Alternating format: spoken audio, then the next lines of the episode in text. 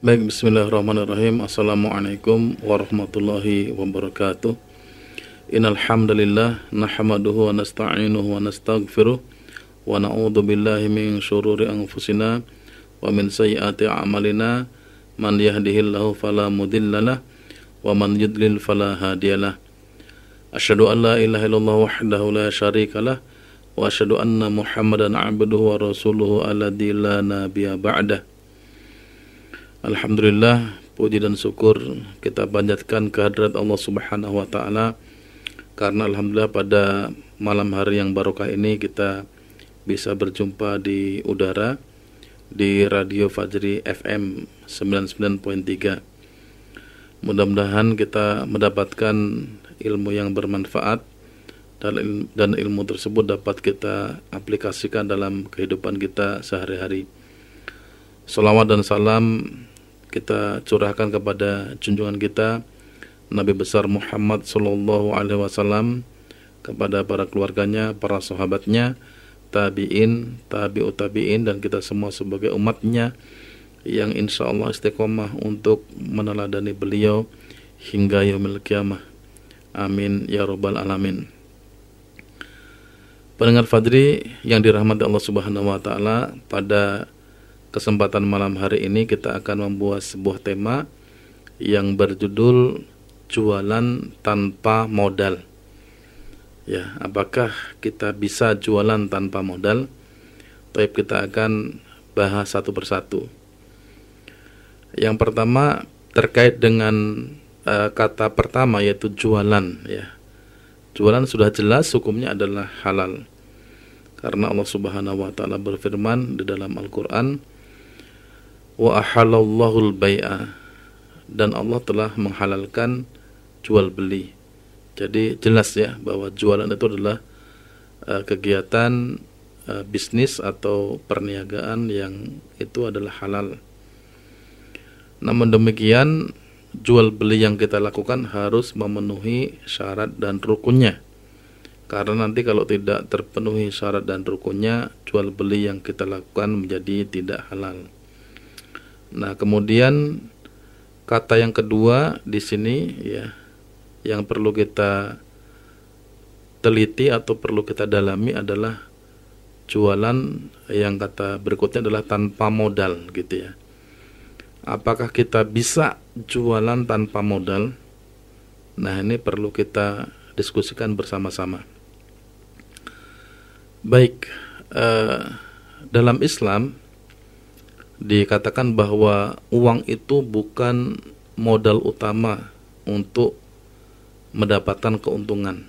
Ya, jadi yang namanya uang itu dia bukan modal utama untuk bisnis. Jadi bisnis tanpa uang itu bisa dilakukan. Gitu ya. Jadi jelas sekali ya. Bisnis tanpa uang itu juga bisa dilakukan. Tetapi apabila bisnis tanpa modal, apakah itu dapat dilakukan? Nah, ini perlu kita kaji bersama gitu ya. Mungkin uh, banyak di antara kita yang terinspirasi oleh kisah sahabat yang agung yaitu Abdurrahman bin Auf radhiyallahu. Ketika itu Rasulullah Shallallahu Alaihi Wasallam mengajak beliau untuk hijrah dari kota Mekah ke kota Madinah. Ah, sementara beliau ini adalah bangsawan kaya raya, pedagang yang sukses. Kemudian beliau harus berhijrah bersama orang yang dicintainya, yaitu Rasulullah Shallallahu Alaihi Wasallam. Nah, ketika beliau ditawarkan hijrah, maka keluarganya orang tuanya ya itu memberikan syarat. Wahai Abdurrahman apabila engkau hijrah bersama Muhammad maka engkau harus meninggalkan seluruh hartamu dan seluruh keluargamu orang tuamu anak anakmu istrimu. Itu harus ditinggalkan di kota Mekah. Kalau engkau memilih hijrah bersama Muhammad maka silahkan engkau berangkat hijrah tapi engkau hanya boleh membawa pakaian yang melekat di badanmu begitu ya. Tentu ini merupakan pilihan yang sangat berat ketika itu gitu. Jadi uh, sahabat Abdurrahman bin Auf harus pergi meninggalkan keluarganya kemudian hartanya gitu ya, orang-orang yang dicintainya ketika beliau memilih hijrah bersama Nabi Muhammad SAW tetapi ketika itu beliau putuskan untuk memilih hijrah bersama Rasulullah SAW ke kota Madinah. Jadi beliau berangkat ke kota Madinah bersama Nabi itu hanya berbekal pakaian yang melekat pada badannya. Kemudian sesampainya di kota Madinah, beliau dipersaudarakan dengan sahabat yang kaya raya, ya seorang petani sukses di Madinah bersama, bernama Sa'ad bin Rabi' radhiyallahu an. Jadi ini luar biasa ya Rasulullah Shallallahu Alaihi Wasallam itu mempersaudarakan orang yang sekufu gitu ya, orang yang kaya bangsawan dengan orang yang kaya juga seperti itu. Nah kemudian ketika dipersaudarakan dengan Saad bin Robi maka Saad bin Robi itu menawari kepada sahabat Abdurrahman bin Auf. Wahai Abdurrahman aku memiliki beberapa bidang tanah. Tanah tersebut bisa kita bagi dua untukmu separuh untukku separuh. Kemudian aku memiliki rumah. Rumah itu bisa kita bagi dua. Ada beberapa rumah ya jadi bisa engkau ambil salah satunya. Kemudian aku memiliki tiga istri. Engkau bi engkau bisa pilih salah satu yang engkau sukai kemudian aku akan menceraikannya. Ini demikian luar biasa ya akhlak dari sahabat Sa'ad bin Rabi radhiyallahu an kepada Abdurrahman bin Auf. Karena ketika itu memang Abdurrahman bin Auf betul-betul dalam kondisi yang uh, sebatang kara gitu ya. Uh, hanya memakai pakaian yang melekat di badannya gitu ya. Ketika harus hijrah meninggalkan kota Mekah ke, menuju ke kota Madinah. Ketika ditawarin beberapa hal yang sangat menggiurkan tadi, apa respon dari sahabat Abdurrahman bin Auf radhiyallahu an kepada Sa'ad bin Rabi' radhiyallahu an. Beliau mengatakan Barakallahu fi ahlika wa malika. Semoga Allah Subhanahu wa taala memberkahi keluargamu dan hartamu. Jadi beliau mendoakan keberkahan kepada keluarga dan harta Sa'ad bin Rabi.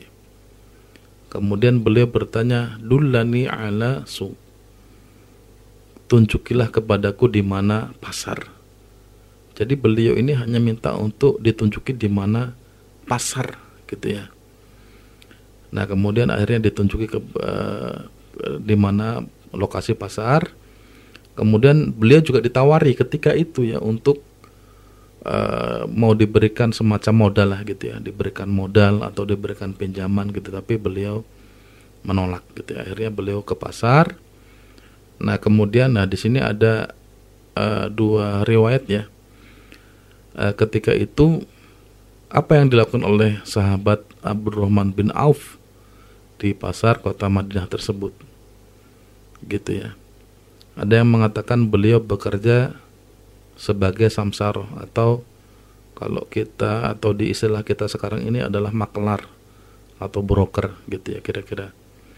Ada yang mengatakan sahabat Abdurrahman bin Auf ini beliau membeli barang secara tidak tunai atau tempo gitu ya. Beli barang sekarang kemudian dibayar dua hari kemudian Nah, kemudian barang itu akhirnya dijual ya secara tunai, kemudian modalnya dikembalikan kepada penjual yang sebelumnya dia utangin gitu ya. Nah, baik. Kalau kita melihat dari uh, kejadian ini ya, mungkin yang paling banyak yang diceritakan adalah ketika beliau itu uh, jualan gitu ya. Jadi yang paling terkenal riwayatnya adalah beliau itu membeli barang secara tidak tunai, kemudian akhirnya beliau memiliki barang tersebut kemudian barang tersebut dijual secara tunai gitu ya. Setelah beliau uh, uh, laku barangnya kemudian beliau mengembalikan utangnya tersebut nah itu seperti itu nah kalau itu yang terjadi apakah sahabat Abdurrahman bin Auf itu jualan tanpa modal ya kita bisa menjawab masing-masing tentu beliau jualan dengan menggunakan modal. Iya kan? Kenapa? Karena beliau memiliki barang. Gitu ya. Modalnya dari mana? Ya utang tadi, gitu ya. Beli utang barang gitu ya, beli barang dengan cara tidak tunai itu kan modal artinya gitu ya.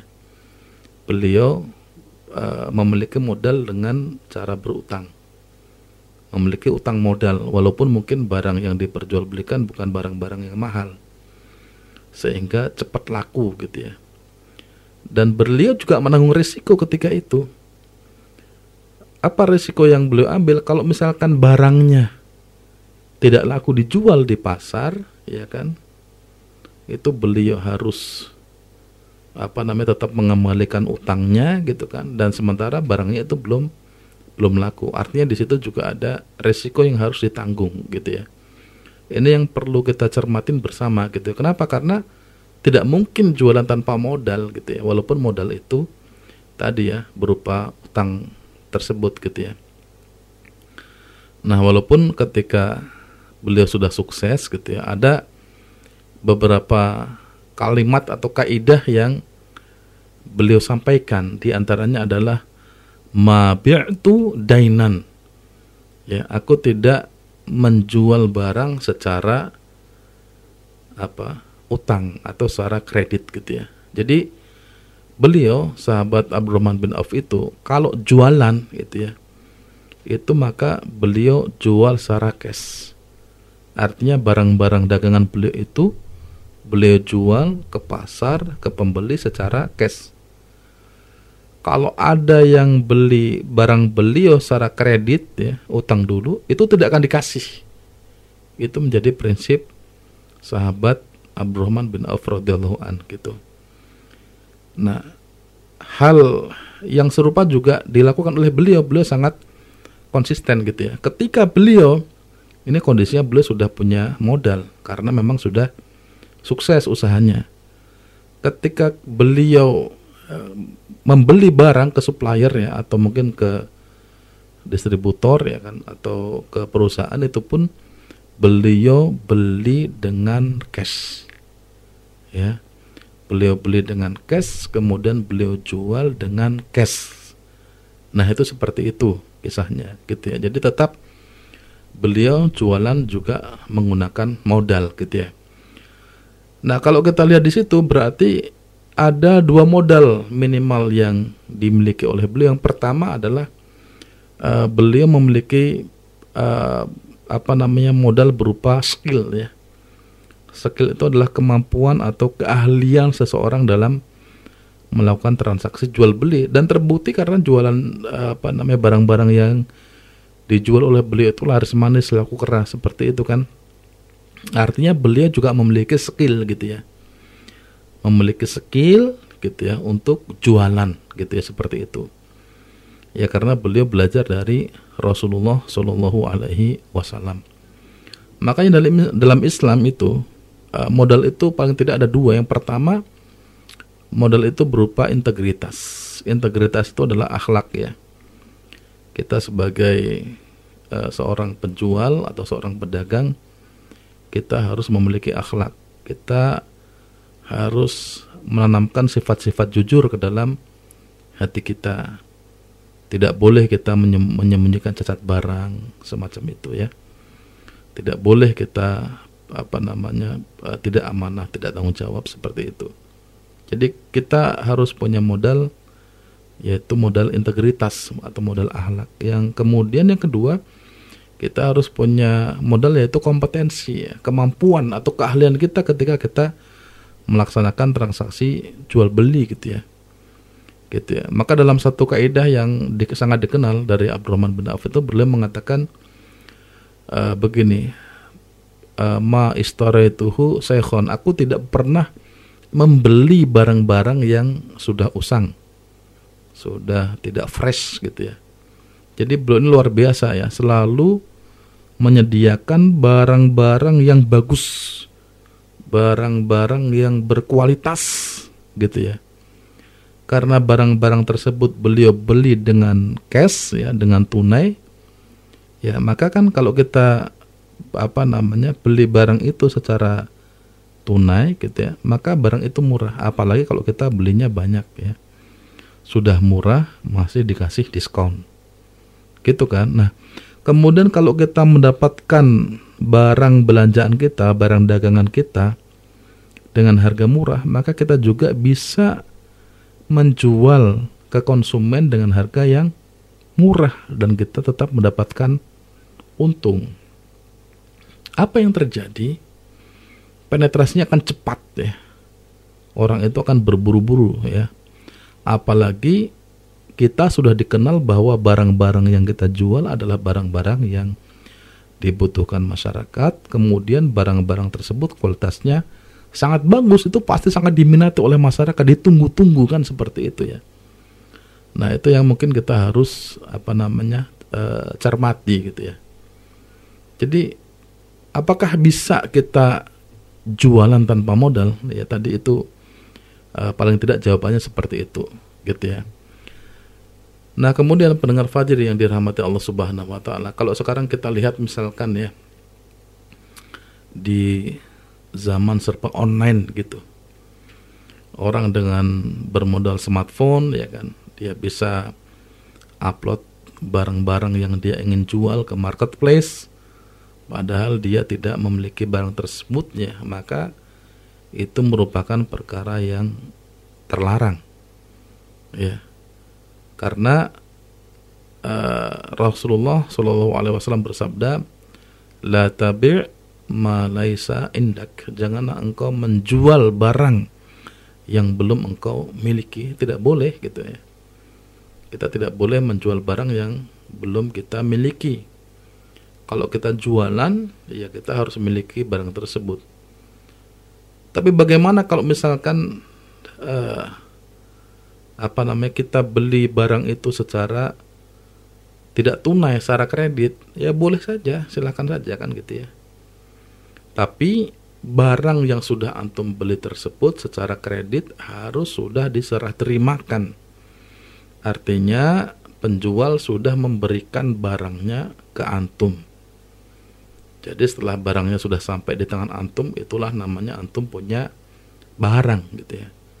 Kemudian ketika barang tersebut antum jual gitu ya, maka antum apa namanya eh, akan menjual barang itu misalkan secara tunai gitu ya. Berarti antum sudah punya apa namanya modal. Berarti antum jualan yang antum lakukan itu jualan dengan modal kan gitu ya. Walaupun modal kita adalah modal ngutang gitu ya. Tapi tetap jualan antum itu adalah uh, jualan dengan modal utang bukan tanpa modal sama sekali tidak ada itu. Gitu ya.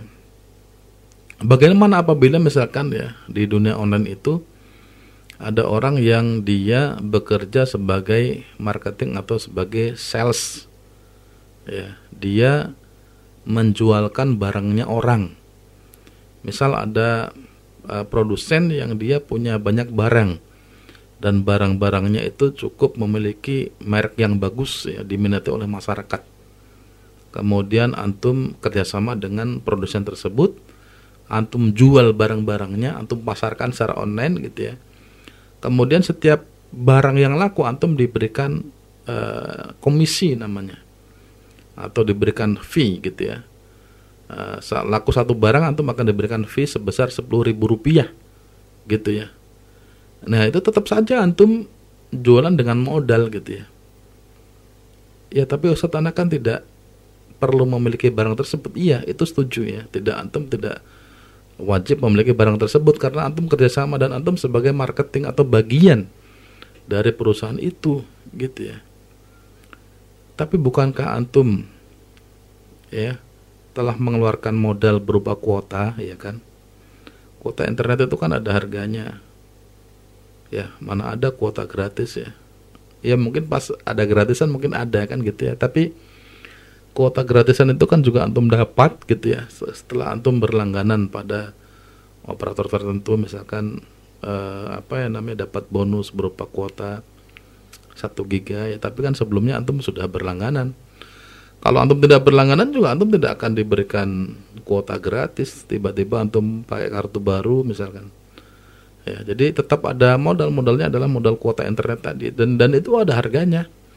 Kuota internet itu misalkan berapa 5000 atau 10000 kan gitu tetap ada modal. Pertama modal kuota, yang kedua adalah modal keahlian antum bagaimana antum bisa memasarkan ya, bisa membangun komunikasi yang baik dengan para konsumen di dunia maya. Ya berarti antum ada ada skill gitu ya kalau misalkan antum upload terus kemudian antum diam-diam saja misalkan tidak aktif kan ya mungkin laku tapi lama kan gitu. Seperti itu ya. Nah itu juga apa namanya tetap ada modal walaupun kecil seperti itu. Dan tadi ya modal itu selain apa namanya barang atau uang atau utang itu juga modal itu juga berupa tadi berupa apa? Berupa uh, integritas, berupa akhlak, berupa uh, skill, kemampuan. Ya, tidak mungkin seorang jualan dia tidak punya ilmunya gitu ya. Pasti dia punya ilmunya. Misalkan teman-teman kita ada yang jualan gorengan gitu ya. Uh, berarti kan dia sudah mempunyai ilmunya. Gitu ya, mempunyai skill gitu ya. Kalau tidak nanti ketika goreng bala-bala kemudian asin ya siapa yang mau beli ya kan? Ya sudah goreng bala-bala sekilo gitu ya ternyata tidak ada yang beli karena asin. Ya berarti dia sudah bisa meramu punya formula bagaimana komposisi terigunya berapa komposisi apa namanya bumbunya. Kan seperti itu itu ada skillnya gitu kan seperti itu. Ya. Jadi semuanya itu ada pasti ada modalnya gitu ya pasti ada modalnya. Nah modal itu bisa sedikit mungkin yang ini harus kita apa namanya diskusikan lebih mendalam ya. Mungkin modalnya ada yang sedikit ada yang kecil gitu ya. Ada yang eh, besar gitu kan. Modalnya ada yang kecil ada yang besar. Kalau modalnya kecil risikonya kecil ya. Kalau modalnya besar risikonya juga besar. Karena tidak mungkin kita bisa mendapatkan keuntungan tanpa ada risiko sama sekali itu tidak tidak mungkin gitu ya. Jadi bagaimana uh, jualan tanpa modal? Apakah itu ada? Ya maka uh, saya berpendapat ya tidak ada. Yang namanya jualan ya harus dengan modal karena kalau jualan kan seseorang berarti menjual sesuatu kan. Ya kalau jualan itu dia berarti berprofesi sebagai penjual. Kalau tidak ada barang yang mau dijual tidak ada modalnya terus apa yang mau dijual kan gitu. Logikanya seperti itu ya. Gitu ya. Kalau tidak ada modalnya terus mau jualan apa gitu. Jualan barang barangnya siapa yang mau di apa dijual gitu ya. Kan gitu ya. Itu yang mungkin perlu kita apa namanya cermati bersama. Nah kemudian pendengar fajr yang dirahmati Allah Subhanahu Wa Taala sekarang juga banyak ya tutorial atau aplikasi apa namanya jualan tanpa modal ya di uh, yang di apa namanya dipasarkan gitu ya atau banyak diiklankan di medsos gitu ya maka kita harus berhati-hati ya. Kita harus mencermati secara fikihnya itu bagaimana itu kan gitu. Jangan mudah tergiur oleh tawaran-tawaran semacam itu. Kalau jualan ya jelas harus ada barang ya ada penjual ada pembeli ada barang gitu kan dan barangnya juga harus jelas ya. Kemudian barangnya harus dimiliki dan bisa diserah terimakan kan seperti itu. Jadi jangan barangnya tidak jelas. Kalau barangnya tidak, tidak jelas maka nanti akan terjadi yang namanya goror. Itu jangan sampai terjadi yang namanya goror. Ya sekali lagi bahwa jual beli Allah sudah menghalalkan. Silakan teman-teman pendengar fadil yang dirahmati Allah Subhanahu wa taala untuk melakukan jual beli gitu ya. Tapi di sini mungkin anak sedikit menyarankan gitu ya. Memang pertama jual beli ya ketika kita menjadi, penjual menjadi pedagang ya uh, paling tidak kita mencontoh cara berdagang Rasulullah Shallallahu Alaihi Wasallam dan para sahabatnya di antaranya adalah Abdurrahman bin Auf tersebut gitu ya kalau bisa ya tadi kita mulai dari yang kecil gitu ya atau sesuai dengan modal yang kita miliki. Kemudian barang-barang yang kita jual memang barang-barang yang dibutuhkan oleh masyarakat ya kan? Kemudian barang-barang tersebut kita beli dengan cara tunai ya sehingga kita mendapatkan harga yang murah. Kemudian kita juga akan jual dengan harga yang uh, kompetitif di pasaran gitu ya jadi kita mendapatkan margin atau selisih untung yang sedikit tapi barang tersebut laris manis dan laku keras gitu. Karena kalau misalkan kita akan jualan gitu ya dengan apa namanya jualan mungkin dengan barang-barang yang mahal gitu ya atau skalanya besar kemudian kita berutang gitu kan ya ketika kita berutang kan barang itu bisa menjadi mahal gitu ketika barang itu mahal maka kita akan kesulitan dalam menjualnya. Ya. Ketika kita membeli barang itu dengan utang ya kemudian harganya mahal karena harga utang ya harga tempo maka kita nanti akan merasakan kesulitan dalam menjualnya gitu ya. Sebab daya beli masyarakat tidak bisa dipaksa. Kalau masyarakat tidak punya kemampuan untuk membeli barang-barang kita maka dia tidak akan beli. Karena memang tidak ada uangnya tidak mampu kan itu perlu diperhatikan gitu. Kalau katakanlah antum oke okay, antum utangnya ke pihak ketiga ya antum punya teman antum punya apa namanya uh, uang yang bisa antum utang gitu ya. Ya kalau dia mau meminjamkan gitu ya kalau dia minta bagi hasil ya otomatis akan berbagi keuntungan kan seperti itu. Sementara uh, risikonya ini masih tinggi maka uh, sebaiknya kita jualan dengan apa namanya sesuatu yang terukur gitu ya. Barang-barang yang kita jual adalah barang-barang yang murah uh, bagus kualitasnya diminati oleh masyarakat modalnya tidak terlalu besar resikonya ringan gitu ya. Dan uh, kita bisa sustainable ya bisa survive bisa terus berjalan apa-apa yang kita perjualbelikan seperti itu Baik mungkin itu ya uh, Agung terkait dengan apa namanya materi kita pada malam hari ini yaitu jualan tanpa modal wallahu alam.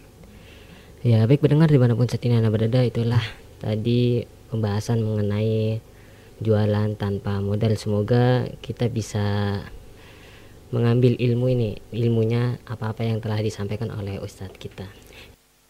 Ya baik mendengar di mana pun setina anda berada langsung saja nih kita akan bacakan pertanyaan-pertanyaan yang telah muncul. Baik Ustaz, langsung kita bacakan saja ya Ustaz pertanyaannya. Iya, baik, silakan. Yang pertama yaitu ada dari Asma Arifai dari Sawangan Depok yaitu Assalamualaikum warahmatullahi wabarakatuh. Waalaikumsalam warahmatullahi wabarakatuh. Sekarang ini banyak sekali yang berbisnis tanpa modal, seperti menjadi seperti menjadi seorang youtuber, usaha, usaha dropship menjual informasi, menjadi freelancer, dan lain sebagainya. Dan yang ingin saya tanyakan adalah apa hukum dari bisnis online-online tersebut berdasarkan Al-Quran dan hadis? Ya baik ya. Uh, tadi ada apa namanya youtuber, ada dropshipper, ada freelancer ya. Iya. Uh, terkait dengan bagaimana hukum menjadi youtuber, gitu ya itu apa namanya biasanya kan kalau jadi youtuber itu dia akan membuat sebuah konten gitu ya.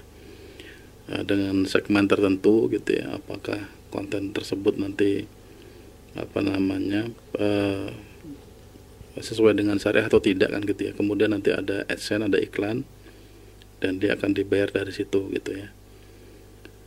Um, kemungkinan apabila konten-kontennya itu sesuai dengan syariat gitu ya. Kemudian iklan-iklannya itu bisa diatur iklan-iklan yang katakanlah tidak ada yang haram itu diperbolehkan gitu ya. Karena pada prinsipnya ya memang itu lebih kepada apa namanya jasa gitu itu diperbolehkan. Tapi kalau misalkan kontennya adalah konten-konten maksiat konten-konten sampah gitu ya kemudian iklannya juga sembarangan ya pasti itu diharamkan gitu ya kemudian terkait dengan apa namanya dropshipper ya. Dropshipper itu um, hampir mirip ya antara dropshipper dengan reseller itu. Dua-duanya adalah menjual barang yang tidak dimiliki. Maka itu ada larangan dari Rasulullah Shallallahu Alaihi Wasallam ya. Matabe malaysia indak gitu ya. Tapi ada solusinya kalau tetap ingin menjadi reseller dan menjadi dropshipper berarti harus memiliki barang yang itu bisa diperjualbelikan seperti itu. Kalau untuk apa namanya freelancer itu uh, mungkin harus diperjelas dulu ya. Uh, Anak juga belum mendalami terkait dengan freelancer mungkin nanti uh, kita akan apa jawab ya setelahnya. Baik mungkin itu Agung. Ya baik. Selanjutnya nih ada dua pertanyaan dan pertanyaan yang kedua yaitu hukum jual beli pada hakikatnya adalah diperbolehkan. Dalilnya dalam Quran surat Al-Baqarah ayat 205 275 Allah telah menghalalkan jual beli dan mengharamkan riba. Dan yang ingin saya tanyakan adalah tahapan-tahapan apa saja untuk menentukan hukum sebuah transaksi. Ya, baik ya. Sebenarnya transaksi jual beli itu kan transaksi yang sangat simpel ya. Simpel, mudah, dan itu paling sering dilakukan oleh hampir seluruh manusia sekarang ini ya. Kita tiap hari juga kita belanja gitu ya. E, kadang kita belanja kadang kita juga menjual sesuatu kan. Kalau sekarang zaman sudah seperti itu. Ya, intinya jual beli yang pertama adalah barangnya jelas dimiliki kemudian barang yang halal ya kan kemudian ada penjual ada pembeli ya sudah itu sudah sah seperti itu jadi sesimpel itu jualan itu ya. Jadi asal jelas kemudian sudah antarodin sama saling ridho gitu kan. Itu sudah apa sesuai dengan apa namanya syariah gitu. Tidak ada yang sulit atau tidak ada yang rumit dalam jual beli. Baik itu secara online maupun secara offline. Kalau apa namanya secara offline itu kan ada majelis ya. Kalau misalkan kita katakanlah ada masalah barangnya bisa ditukar. Misalkan kita beli barang ke warung kemudian ternyata barangnya sudah expired misalkan ya itu kan kita bisa tukar. Dan itu mudah kita lakukan. Atau misalkan kita beli barang barangnya ada cacatnya kita menemukan cacatnya itu kita bisa tukar. Kita bisa kasih tahu si pembelinya seperti itu ya itu jualan seperti kalau nanti di online jualannya di online ya tadi terkadang ada risiko-risiko seperti itu ya. Maka harus memilih mungkin ya online shop yang terpercaya yang kemudian ketika dikomplain dan segala macam itu uh, masih bisa gitu ya. Jadi masih mau untuk bertanggung jawab gitu untuk mengganti barang yang memang tidak layak untuk diperjualbelikan. Bolo alam. Ya baik syukur Ustaz selanjutnya ada dari Ibu Titi nih dari Jatisari di Bekasi ingin bertanya yaitu pertanyaannya jika kita berjualan tapi belum ada barangnya apa itu dibolehkan Ustadz? Jika ada yang pesan barang jualan kita barulah kita cari dan beli ke toko lain. Apakah itu dibolehkan? Iya berarti kalau kita memasarkan sebelumnya gitu ya memasarkan barang kepada konsumen itu kan berarti kan kita tidak punya barang. Kalau kita belum kita miliki kita belum beli barangnya kan gitu ya. Karena kita khawatir ada risiko kalau misalkan kita beli dulu barangnya kemudian barangnya tidak laku gitu ya. Kemudian kita menanggung sebuah kerugian gitu. Nah dalam Islam itu ketika kita ingin mendapat keuntungan ada kaidah al-gunmu bil gurmi bahwa pada suatu keuntungan itu juga mengandung risiko gitu ya. Eh, dan kalau kita tidak e, menanggung sebuah risiko ya kita tidak layak untuk mendapatkan yang namanya keuntungan kan? Seperti itu. Ya ketika kita ingin memasarkan sesuatu ya barangnya harus ada. Kalau barangnya tidak ada nanti bagaimana kan? Gitu. Bukan kita pasarkan kemudian ada yang pesan baru kita apa namanya beli gitu ya kecuali kalau akad salam gitu ya. Akad salam kan itu pesan duluan gitu kan. Itu kondisinya berbeda. Biasanya kalau barang-barang yang dipesan gitu ya di order itu adalah barang-barang yang biasanya itu langka di pasaran kan gitu ya. Tapi kalau barangnya itu adalah barang-barang yang merupakan kebutuhan pokok masyarakat ya itu kan barangnya banyak ya. Orang tidak perlu pesan tapi langsung beli ke mana saja kan seperti itu. Jadi tetap ya kalau kita mau jualan ya kita harus punya barang dulu.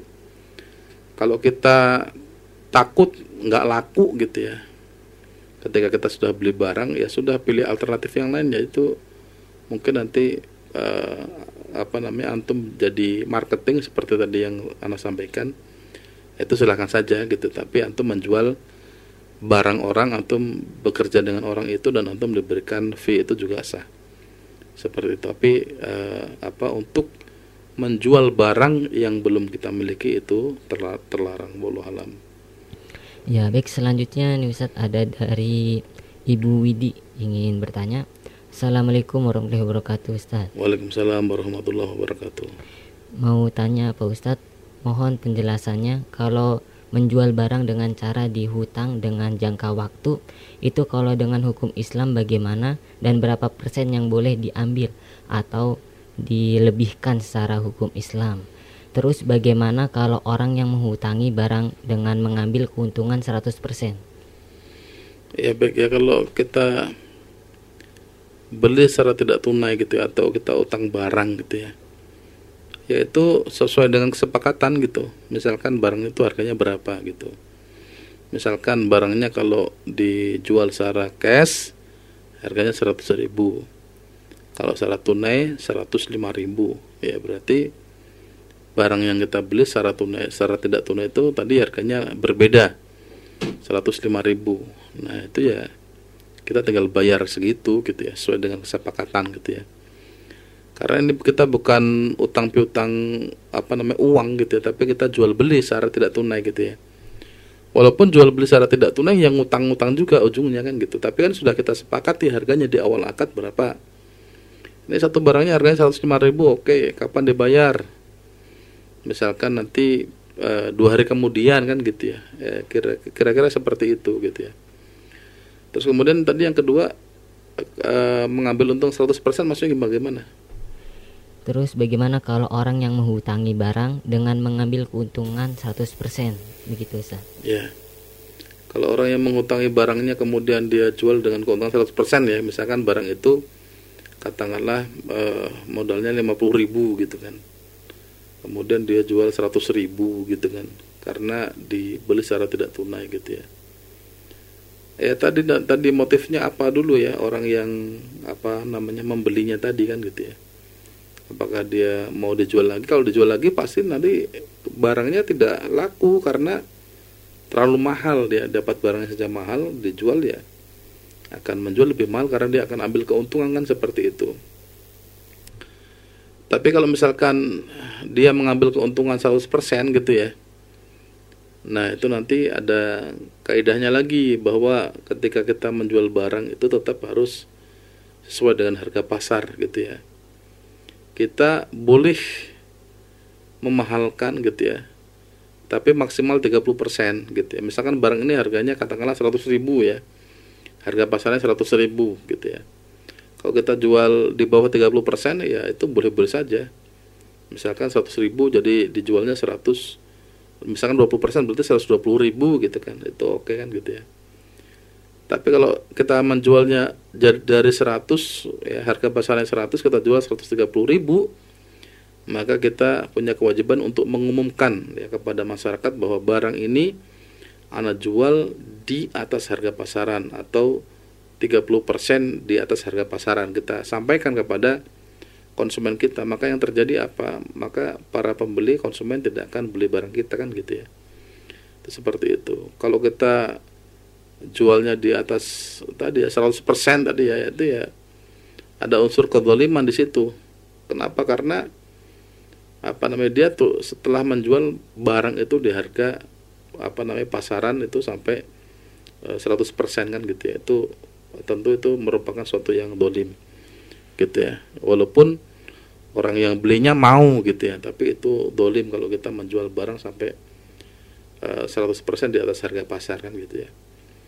Tapi nanti berbeda lagi kasusnya kalau misalkan dia punya modal, misalkan modalnya 50 ribu, kemudian dia jual 100 ribu ya berarti dia mengambil keuntungan 100% tapi memang harga pasarannya memang segitu ya itu boleh gitu ya. Ini kita perlu hati-hati ya gitu ya antara kita mengambil keuntungan 100% dengan menjual harga barang di atas pasaran 100% itu sesuatu yang berbeda. Kalau kita uh, mengambil untung 100% dari modal itu boleh. Tapi kalau kita menjual barang ya dengan harga di atas 100% harga pasaran atau di atas harga pasar 100% itu dilarang. Allah alam. Ya baik selanjutnya nih Ustadz ada lagi pertanyaan dari Alfiah di Bogor mau bertanya. Kalau misalkan jual kalau misalkan jual beli di aplikasi terus pakai metode pembayaran beli sekarang bayar nanti. Itu hukumnya apa Ustadz? ya beli sekarang bayar nanti ya. Iya beli sekarang bayar nanti itu kan apa namanya uh, seperti model pay letter ya. Iya betul. Seperti model pay letter seperti itu. Ya kalau jual belinya ya tadi berarti kan itu utang ya tempo gitu ya jual beli secara tempo utang gitu ya. Ya itu sebenarnya tidak masalah kan gitu ya. Tidak masalah seperti jual beli secara tidak tunai tadi gitu ya. Kita beli ya kita pesen nih barangnya gitu ya. Apa namanya bayarnya nanti kan gitu. Itu nggak ada masalah sama sekali gitu ya. Tapi kalau uh, seperti Shopee Pay Letter gitu ya atau katakanlah yang lain lah uh, model-model yang lain itu kita perlu cermati akadnya seperti apa itu gitu ya. Nanti kalau misalkan di situ ada denda ada ribanya hati-hati gitu ya. Kita harus tahu akadnya dulu. Gitu ya. Kalau uh, jual beli secara tidak tunai dengan orang yang kita kenal lah gitu. Sama-sama paham syariah itu oke. Okay. menurut anda sih nggak ada masalah. Tadi seperti yang dilakukan oleh sahabat Abdurrahman bin Auf gitu ya. Dia beli secara tidak tunai gitu ya. Demikian pula Rasulullah Shallallahu Alaihi Wasallam ketika waktu itu beliau apa namanya uh, memiliki kebutuhan ya terkait dengan bahan pokok. Gandum kurma itu beliau beli secara tidak tunai itu juga pernah beliau contohkan. Itu nggak ada masalah sama sekali gitu. Tapi kalau kita lihat di aplikasi-aplikasi itu perlu kita dalami dulu gitu. Ini akadnya bagaimana kan gitu ya. Kita perlu tahu skemanya gitu. Kalau skemanya ini riba jangan gitu. Walau alam. Ya baik selanjutnya Ustadz ada lagi pertanyaan dari Ibu Siti di Bogor yaitu pertanyaannya tadi ada kata-kata Ustadz bilang kalau kita nggak boleh berjualan kalau barang yang kita jual itu belum kita miliki itu hukumnya tidak boleh dalam Islam itu maksudnya bagaimana Ustadz? Ya tidak boleh itu haram maksudnya ya Kenapa? Karena memang kita menjual barang yang tidak kita miliki gitu itu dilarang oleh Rasulullah Shallallahu Alaihi Wasallam la tabi malaisa indak. Janganlah engkau menjual barang yang belum engkau miliki gitu ya. Itu seperti itu. Jadi barang yang kita jual adalah barang yang kita miliki. Seperti itu kita beli barang dulu ya entah itu kita belinya utang atau cash gitu ya. Tapi barang itu sudah menjadi milik kita. Kemudian kita bebas menjual barang tersebut seperti itu gitu ya kalau barangnya belum kita miliki ya haram hukumnya wallahu alam ya baik selanjutnya ada lagi nih Ustadz dari Kiki dari Kiki di Bekasi Barat ingin bertanya. Assalamualaikum warahmatullahi wabarakatuh. Waalaikumsalam warahmatullahi wabarakatuh. Bagaimana pandangan Islam tentang perniagaan yang menggunakan sistem barter? Barter. Ya, barter itu diperbolehkan, nggak ada masalah. Memang dulu sebelum ada mata uang kan barter dulu gitu ya, tukar menukaran gitu ya.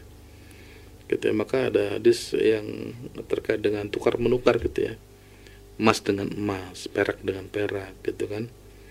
E, kemudian apa namanya kurma dengan kurma, gandum dengan gandum, garam dengan garam gitu ya. Itu itu kan barter ya. Tukar menukar transaksinya gitu. Boleh nggak ada masalah. Ya, walau alam. Ya, baik. Ada satu pertanyaan lagi Ustadz, mungkin ini pertanyaan terakhir.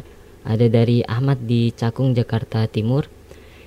Afan Ustadz izin bertanya bagaimana kalau kita jualan ayam bakar di online secara COD jadi sistemnya itu jika ada yang order maka saya langsung beli ke tempat lain satu tempat dengan harga 15.000 dan saya jualnya 30.000 apakah boleh Ustaz?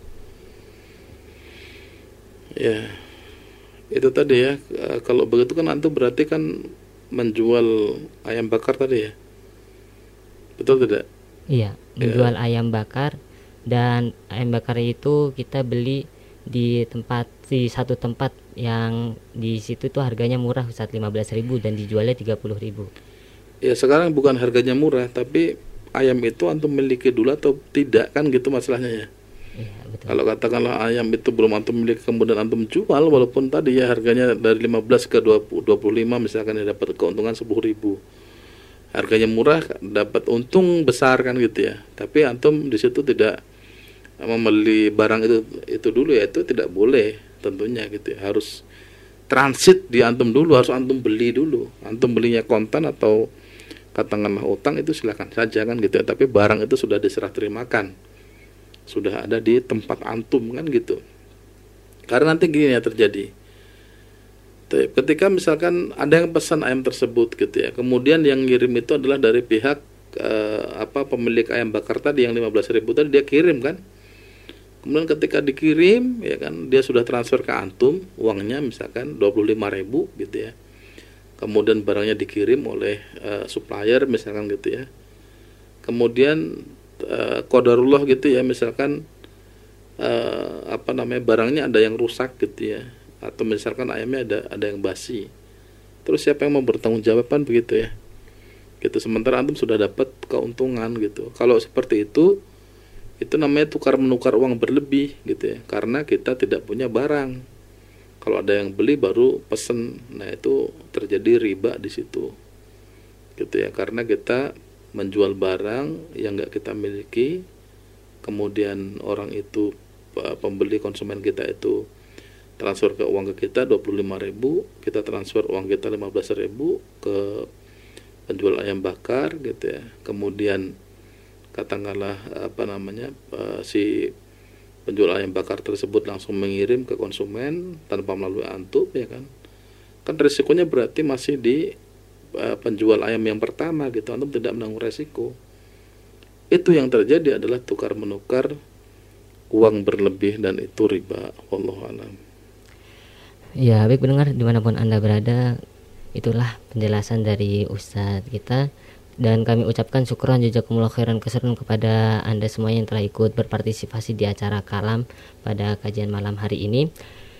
Semoga apa-apa yang disampaikan oleh Ustadz kita bisa bermanfaat dan juga bisa kita amalkan nih di kehidupan sehari-hari kita. Ya, baik Ustadz, sebelum ditutup apakah ada satu kata atau dua patah kata Ustadz yang ingin disampaikan? Ya baik ya intinya bahwa jual beli itu adalah halal dan Allah telah menghalalkan jual beli wa ahalallahu al-bai'ah ya maka ketika kita jual beli kita harus penuhi syarat dan rukunnya gitu ya. Dan kita contoh gitu ya atau kita teladani Rasulullah Shallallahu Alaihi Wasallam dan para sahabatnya bagaimana mereka melakukan suatu transaksi jual beli gitu ya agar jual jual beli yang kita lakukan itu uh, halal gitu ya sah gitu ya. Kemudian kita juga mendapatkan uh, keuntungan dan kita mendapatkan keberkahan wallahu alam ya baik syukuran jazakumullah khairan keseruan Ustaz atas ilmunya semoga bisa bermanfaat nih buat kita semuanya serta pendengar semuanya Ya baik pendengar di mana pun saat ini Anda berada Kami ucapkan syukuran jazakumullah khairan keseruan kepada Anda semuanya Kurang lebih mohon maaf, saya tutup acara ini dengan doa kafaratul majlis. Subhanakallahumma wa bihamdika asyhadu alla ilaha illa anta astaghfiruka wa atubu ilaik. Assalamualaikum warahmatullahi wabarakatuh.